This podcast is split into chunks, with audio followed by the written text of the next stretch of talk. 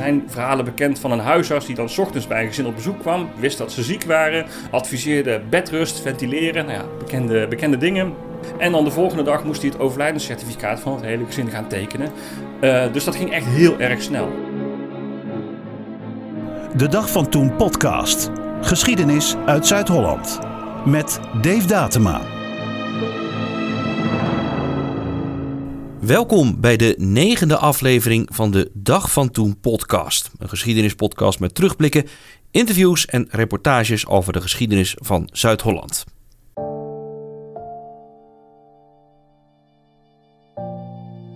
We zitten met corona inmiddels in de vierde golf van de pandemie. Ruim 100 jaar geleden werd ons land ook getroffen door een heftige ziekte, de Spaanse griep. Die ziekte trof honderdduizenden Nederlanders en kostte 38.000 mensen in ons land het leven.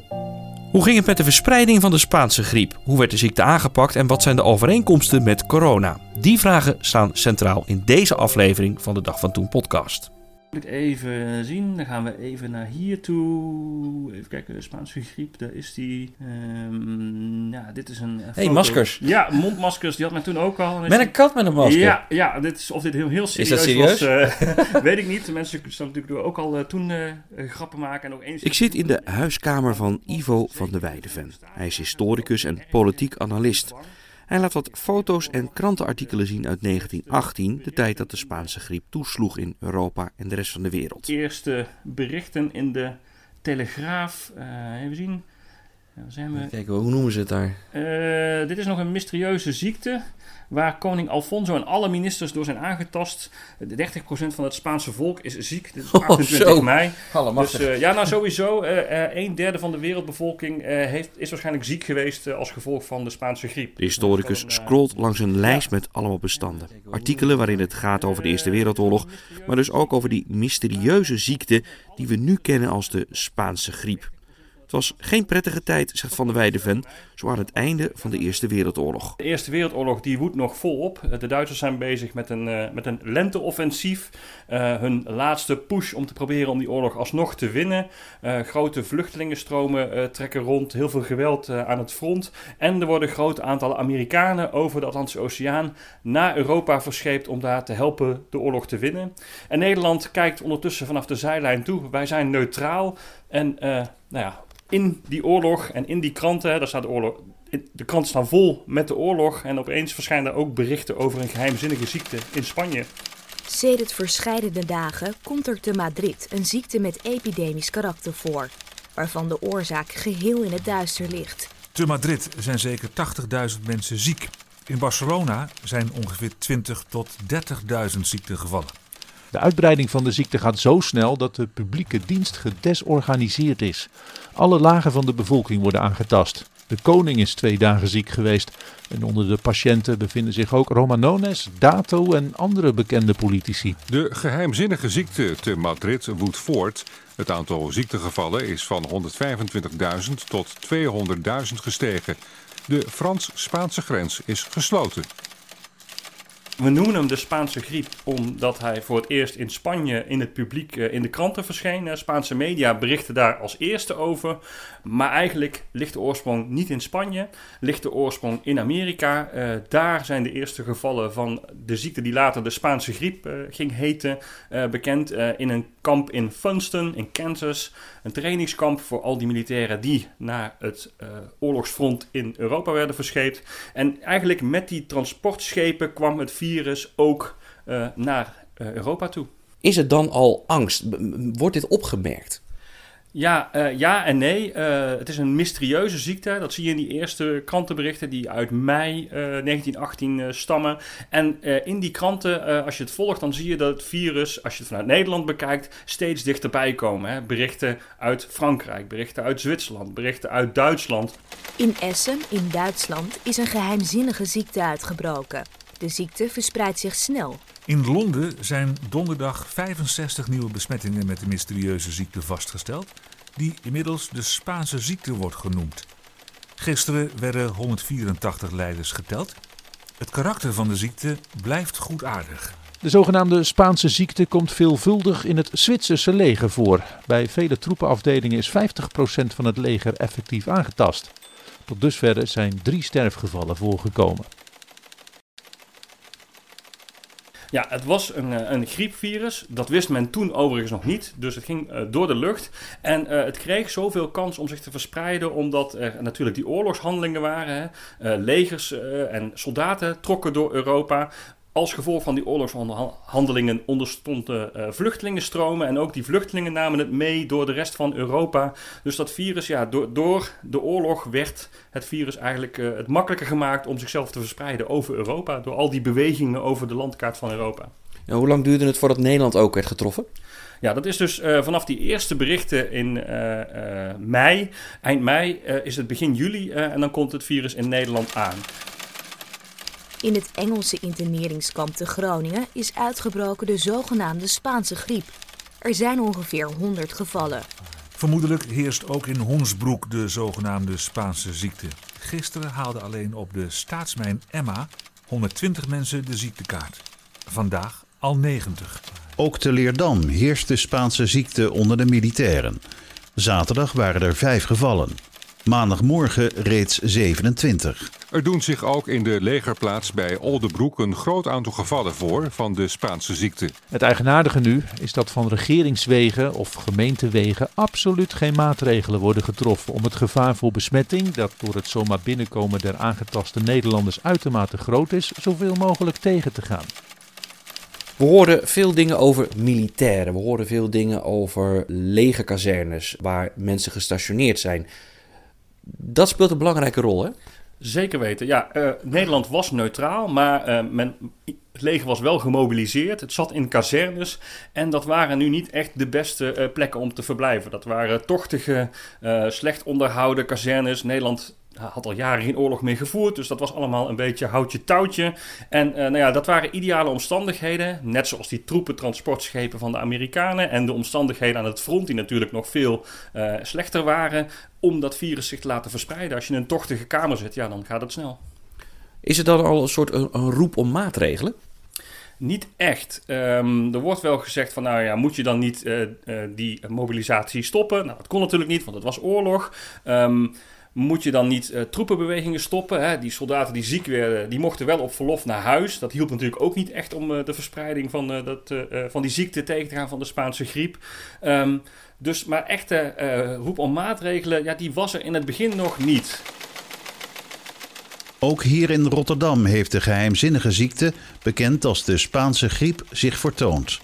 Er zijn enige gevallen geconstateerd, onder andere aan den Bergweg. De Spaanse griep heeft te deze steden meerdere personen aangetast. Eergisteren ging een bode van het stadhuis ziek naar zijn woning aan het oosteinde.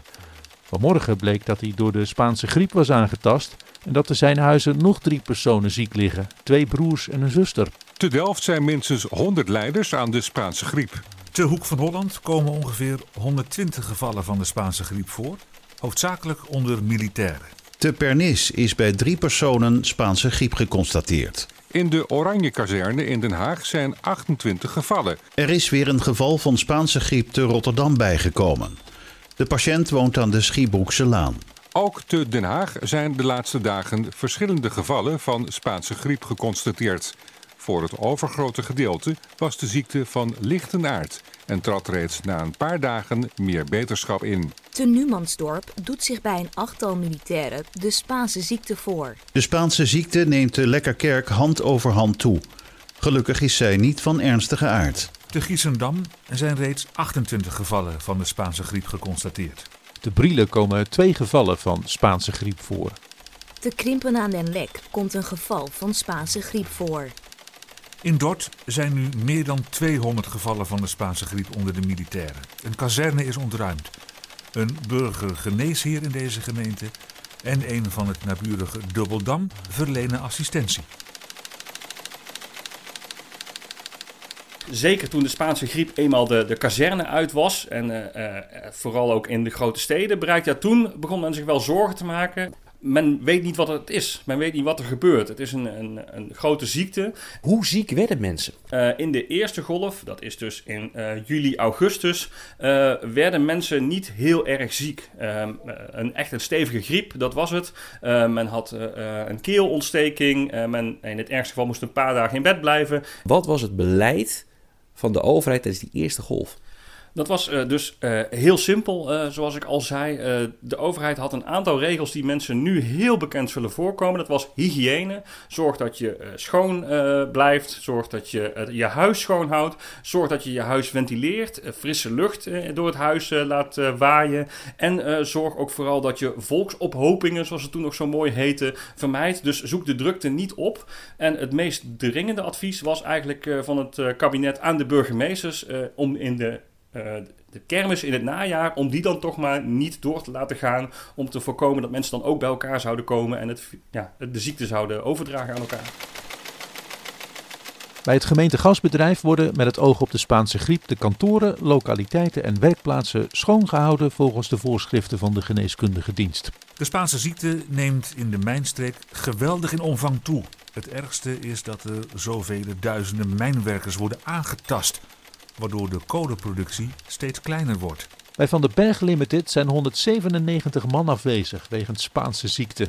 Onder het personeel van een grote confectiefabriek hier ter stede is vooral onder de afdeling meisjes Spaanse griep geconstateerd. Hoe snel de ziekte zich uitbreidt kan onder andere blijken uit de mededeling van een medicus te deze steden, inhoudend dat hij gisteren 50 en vanochtend 30 nieuwe gevallen te behandelen kreeg. In Den Haag is de Spaanse griep ook onder het verplegingspersoneel van het gemeenteziekenhuis uitgebroken. Een aantal verpleegsters is aangetast, waardoor in den dienst veel stagnatie wordt ondervonden. Ook onder het politiekorps hier ter stede doen zich enige gevallen van Spaanse ziekte voor. Onder het personeel der RETM heerst de Spaanse griep dermate dat heden verschillende chefs dienst reden als wagenvoerder of conducteur. Naar de Telegraaf verneemt komen alleen onder het treinpersoneel der Hollandse Spoor 900 gevallen van Spaanse griep voor. In verband hiermee zijn de verloven der conducteurs tot nadere aankondiging ingetrokken. Tegen gevolgen van de vele leiders aan de Spaanse griep onder het personeel van de Goudse Courant kon dat blad maandagavond niet verschijnen. In Nederland is tijdens de corona-uitbraak behoorlijk wat kritiek op de overheid qua uh, aanpak. Er zijn mensen die echt uh, geloven dat het niet bestaat. Um, was dat in 1918, 1919 ook het geval? Waren we toen allemaal helemaal brave ja-knikkers? Nou, er was in uh, 1918, 1919 zeker wel kritiek op de overheid, maar die richtte zich voornamelijk op het feit dat de overheid niks deed. Uh, dat de overheid niet verder ging dan adviezen geven over hygiëne en ventileren. En dat men niks had uh, om, om op te treden. Dus men was toen eigenlijk vooral ontevreden over het optreden van de overheid, omdat men te weinig deed.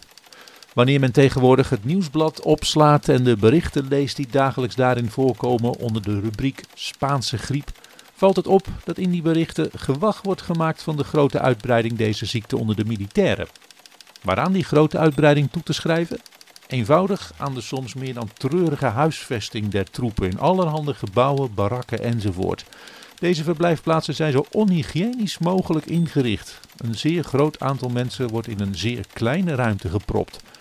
En is de ruimte soms bij uitzondering niet klein, dan is ze toch in ieder geval vochtig, donker, tochtig of iets dergelijks. Gisteren en vandaag kreeg ik drie soldaten in behandeling, alle drie komende uit besmette garnizoenen. Zeer benieuwd ben ik te weten hoe het mogelijk is dat verloven nog gegeven worden en nog wel in plaatsen waar de ziekte heerst is ook nog eens zo dat er toen ook sprake was van complotdenken. Uh, men wist niet waar de ziekte vandaan kwam, dus er gingen allerhande theorieën rond hoe eh, die Spaanse griep nu eigenlijk ontstaan was. Zoals? Nou, het idee was bijvoorbeeld, uh, in de VS leefde dat heel sterk, dat uh, de Duitse fabrikant Bayer, uh, de fabrikant die aspirine wereldwijd verkocht, dat die in opdracht van de Duitse keizer dat virus die ziekte in aspirinetabletten uh, stopte om zo de ziekte verder te verspreiden. Er zijn berichten van Duitse onderzeeërs die waargenomen zouden zijn in de haven van Boston, waar agenten in theaters mysterieuze buisjes openden. Nou ja, men de gekste dingen gingen rond. En hier in Europa, in Nederland, dacht men vooral dat het kwam door giftige dampen die opstegen uh, vanaf het, uh, het front in uh, België en Noord-Frankrijk. gifgassen die werden gebruikt, rottende lijken die daar lagen. En dat die dampen, dat daar de, de ziekte ja, mee werd verspreid. En dat het dus eigenlijk een soort ja, longpest. Dat was men het meest dramatische wat men kon bedenken. Een referentie natuurlijk aan de Zwarte Dood in de middeleeuwen. En dat dat weer een soort nieuwe terugkerende pestvariant was. In verschillende bladen komt de volgende advertentie voor. Spaanse ziekte, voorbehoed en geneesmiddelen vindt men in de elektrohoomatie van graaf Mattei uit Italië. Een arts, de heer Premsela, zegt in het Handelsblad dat er sprake is van kwakzalverij. De middelen van de graaf bestaan uit rode elektriciteit en blauwe elektriciteit. Schoon water in een rood of blauw flesje. Ja, medici stonden echt voor een raadsel. Uh, men wist nog niet dat griep, de Spaanse griep, door een virus werd verspreid.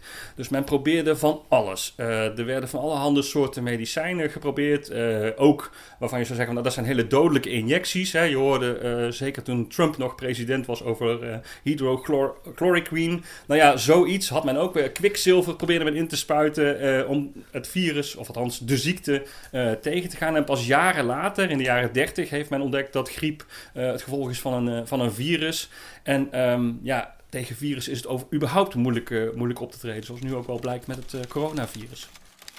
In verband met de lopende geruchten als zouden er hier ter stede onrustbarend veel sterfgevallen voorkomen ten gevolge van de Spaanse griep, hebben wij ons om inlichting gewend tot de afdeling bevolking. Uit de ons daar verstrekte inlichtingen bleek ons al dadelijk dat van ernstige ongerustheid geen sprake hoeft te zijn.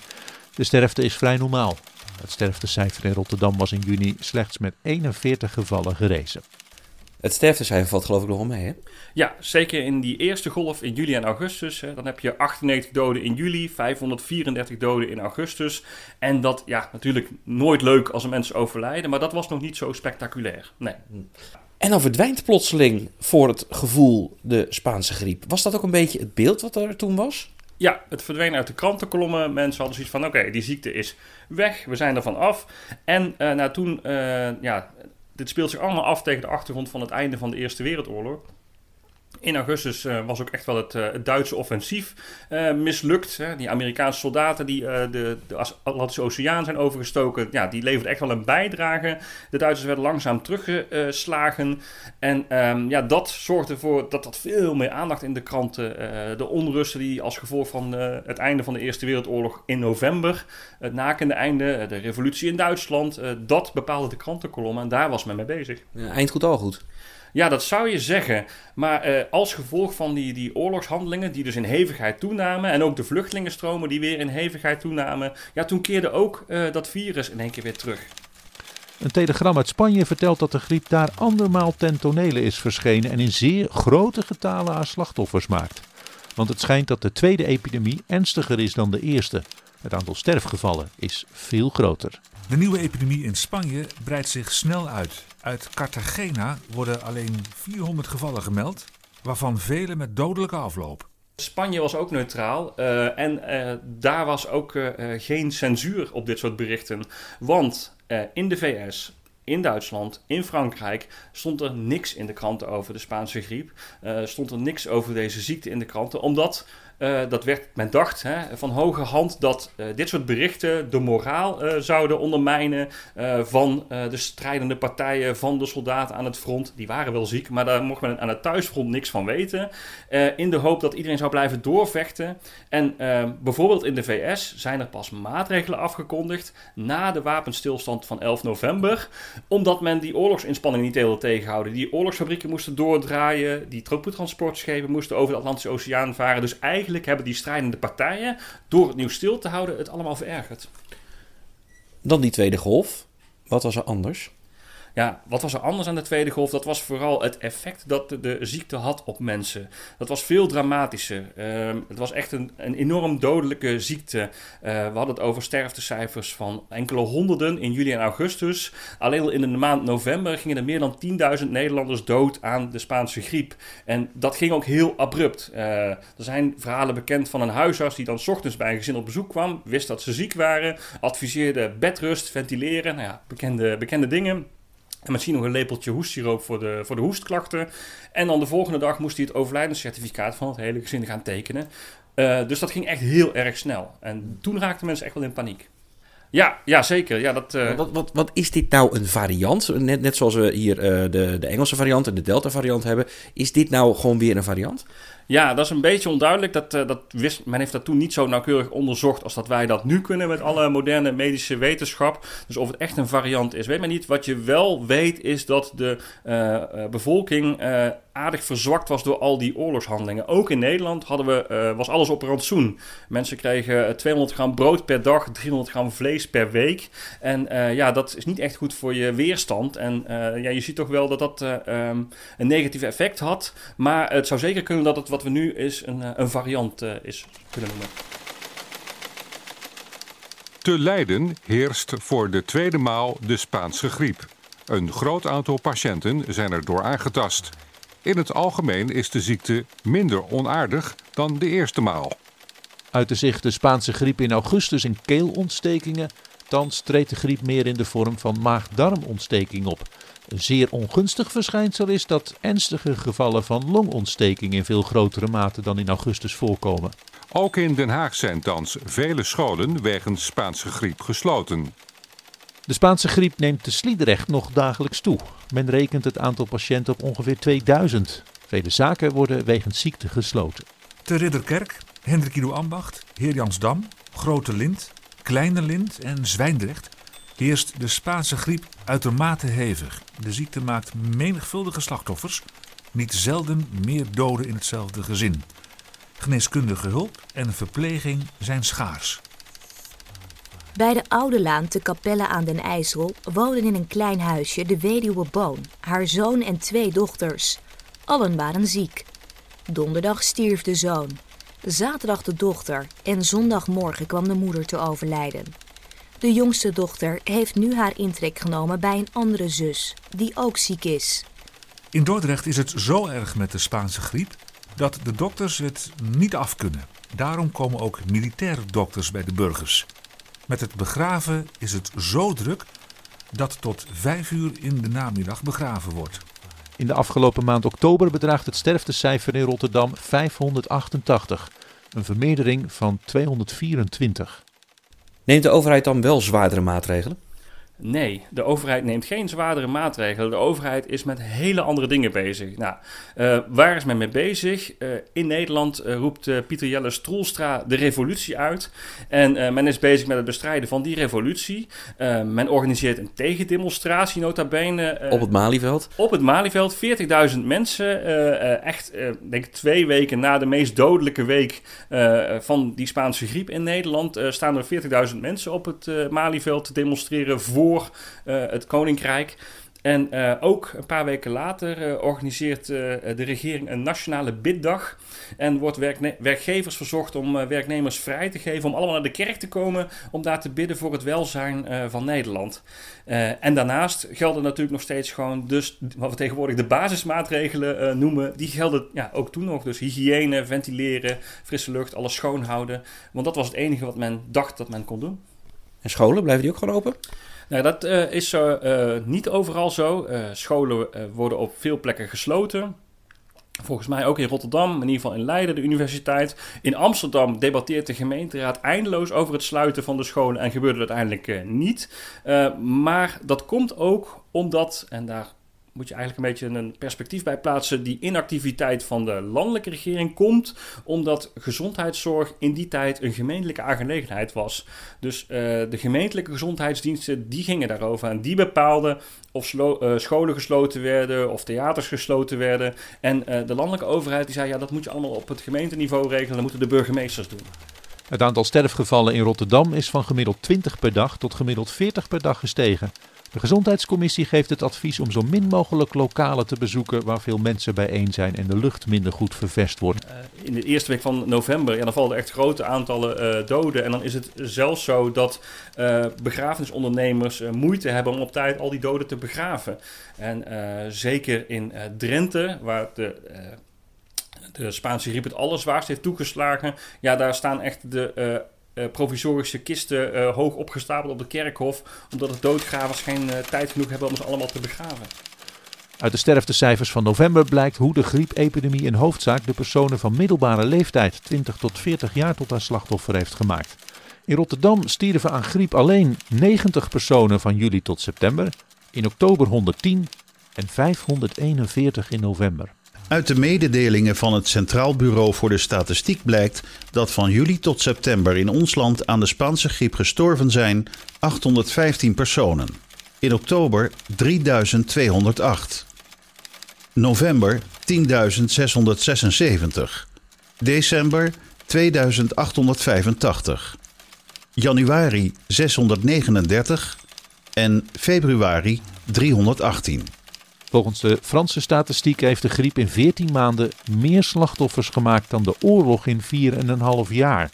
Hevig woedde de Spaanse ziekte in de Verenigde Staten en ook in Afrika en Australië heerste de griep in sterke mate. Het ergst werd Azië bezocht. Alleen in Brits-Indië stierven 6 miljoen mensen. Men schat dat over de hele wereld 20 miljoen mensen aan de griep zijn overleden. Het moet een vreselijke tijd geweest zijn. Ja, ja zeker. Um, een enorm traumatische ervaring. En ehm, ja, dat je er tegenwoordig niet meer zoveel over hoort, komt eigenlijk omdat het zich afspeelde tegen de achtergrond van die Eerste Wereldoorlog. En uh, ik heb in de kranten nog een artikel uh, teruggevonden van de 50-jarige uh, verjaardag van de Spaanse griep in 1968. En toen zei men van ja, wie had het over die binnenbrand van de Spaanse griep als er een wereldbrand om je heen zich ontspint? Hoeveel golven kende de Spaanse griep eigenlijk? Ja, wel beschouwd drie golven. Uh, na die golf in uh, november 1918 kwam het virus ook nog een keer in uh, april 1919 voorbij. En daarna verdween het eigenlijk als sneeuw voor de zon. Het virus muteerde tot eigenlijk de wintergriep die we nu ieder jaar voorbij zien komen. Dus de Spaanse griep leeft nog steeds voort? Ja, eigenlijk wel. Uh, uh, je hebt altijd bij die griepepidemieën een, uh, een code, hè? H3N9 of iets van die aard. En de Spaanse griep is H1N1. Dus de allereerste griep. Nou, niet helemaal, maar dit is wel de eerste die in het systeem zo wordt benoemd. Je hebt nog de Russische griep van 1890, maar dat, die was een stuk minder heftig dan de Spaanse griep van 1918, 1919. Stel je legt nu corona en de Spaanse griep naast elkaar. Welke overeenkomsten zie je dan? Nou ja, je ziet uh, overeenkomsten in de manier waarop het virus zich heel snel wereldwijd uh, weet uh, te verspreiden.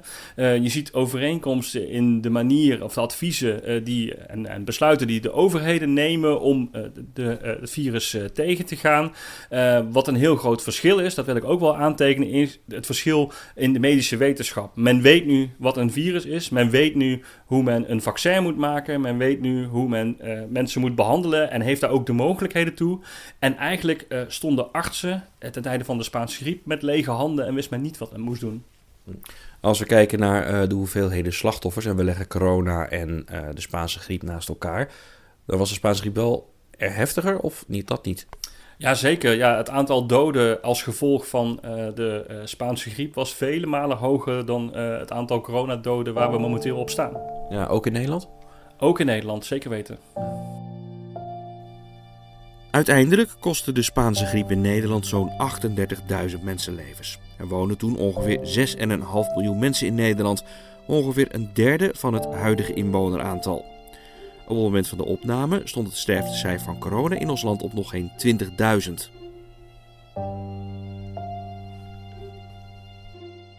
Nu ben je historicus en je ziet dit allemaal gebeuren. Uh, wat, wat, wat gaat er dan om in, in jouw hoofd eigenlijk?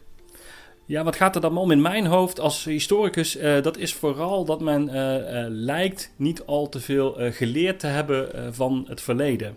Kijk, in 1918, 1919 was het ook een grensoverschrijdend virus. Hè.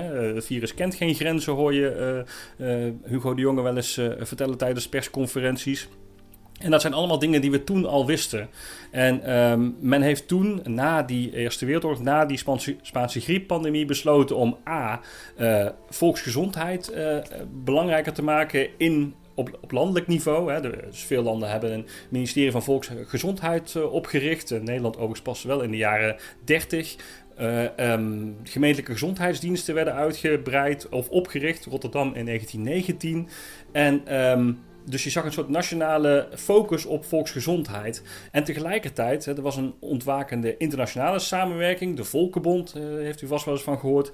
En uh, die Volkenbond had ook een medische tak. En die uh, medische samenwerking heeft er bijvoorbeeld voor gezorgd dat in de eerste jaren na de Eerste Wereldoorlog, toen het in Oost-Europa uh, nog echt niet afgelopen was met alle krijgshandelingen. Dat men daar wel succesvol uh, tyfus-epidemieën heeft bestreden door internationale samenwerking. En eigenlijk is het zo jammer dat men die interna internationale samenwerking weer uit het oog verloren is in naar de Tweede Wereldoorlog. En dat dat een les lijkt te zijn die we iedere pandemie opnieuw lijken te moeten leren.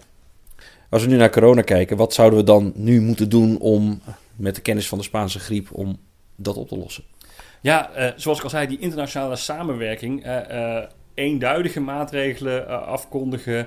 Um, vooral ook gebruik maken van de wetenschappelijke vooruitgang. vaccinaties, boostervaccinaties, al dat soort dingen. Ja, maak daar vooral gebruik van. En we weten nu veel meer. Maar zorg ervoor dat we die kennis op grote schaal gebruiken. En ook bijvoorbeeld ja, wij in Europa en uh, in de Verenigde Staten zijn inmiddels allemaal gevaccineerd. Maar er zijn nog hele grote delen van de wereldbevolking die niet gevaccineerd zijn. En als je, die, uh, uh, ja, als je wil voorkomen dat dit soort ziekten zich verder blijven verspreiden, dan zul je ook die vaccinaties verder uit moeten rollen over de wereld.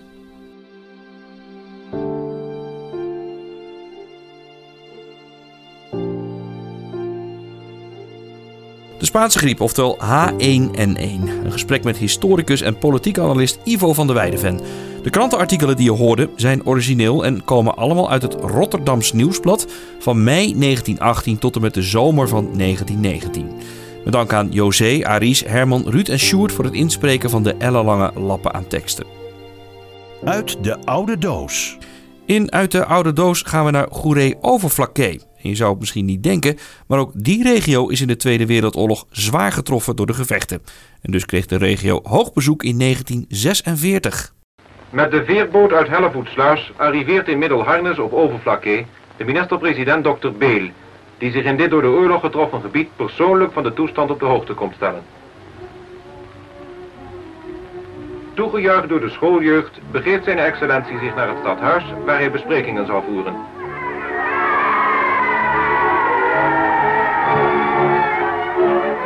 In stad aan het Haringvliet neemt minister Beel de drukte in het haventje in ogenschouw.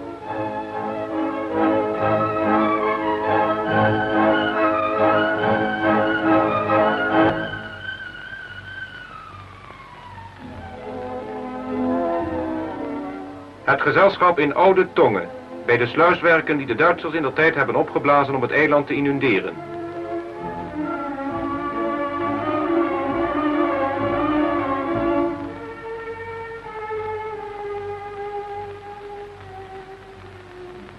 Vernieuwde boerderijen in Herkingen. In Nieuwe Tongen worden arbeiderswoningen bezichtigd. Ongetwijfeld zal de minister-president zich een goede indruk hebben kunnen vormen van de omstandigheden waaronder de bevolking van dit Zuid-Hollandse eiland op het ogenblik werkt en leeft. Geschiedenis uit jouw omgeving. Dit is de Dag van Toen podcast. Wat is er verder nog te zien en te lezen op dagvantoen.nl deze week? Maandag is er de terugblik op de nogal langdurige ambtenarenstaking van eind 1983. Bussen reden niet en nog veel erger, het huisvuil werd wekenlang niet opgehaald. Sommige straten zijn bijna niet meer te gebruiken door de hoeveelheid huisvuil die op straat ligt. En dan hebben we het nog niet eens over de stank. Middenstanders kunnen het niet langer aanzien en stappen naar de rechter. Die verbiedt verdere stakingen op 29 november 1983. Het complete verhaal lees je op dagvantoen.nl. Een dag later is er de terugblik op de opening van de eerste IKEA-winkel in Nederland in Sliedrecht. En dat liep niet echt vanzelfsprekend. De Sliedrechtse gemeenteraad was nogal huiverig voor de komst van de Zweedse meubelgigant en de plaatselijke middenstanders waren bang dat ze omzet mis zouden lopen. IKEA nodigde alle raadsleden uit om te komen praten met de middenstanders in Zweden, maar dat zagen die raadsleden weer niet zitten. Waarom en hoe het uiteindelijk toch toe kwam dat de IKEA-winkel openging, lees je op dagvantoen.nl. Historische verhalen uit heel Zuid-Holland. Van de Bollenstreek tot aan Rotterdam. En van Den Haag tot aan Gorkum. www.dagvantoen.nl Tot zover de negende aflevering van de Dag van Toen podcast. Vond je dit het beluisteren waard? Dan ben je van harte uitgenodigd om volgende week weer te luisteren. Vragen kun je stellen via een mail naar redactieapenstaartje dagvantoen.nl. Geef door aan bekenden dat het beste beluisteren waard is. En volgende week kan je dan luisteren naar de podcast over het Feyenoordstadion. En dan hebben we het over het originele Feyenoordstadion. Want het is deze week 90 jaar geleden dat de plannen voor de bouw van het stadion werden gepresenteerd. Alvast een spoiler alert: het leverde gelukkig niet zoveel gedoe op als de huidige plannen voor Feyenoord City. Dat volgende week. Tot dan.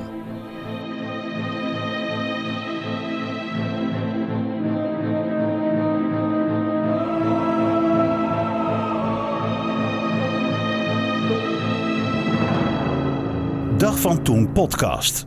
Geschiedenis uit Zuid-Holland.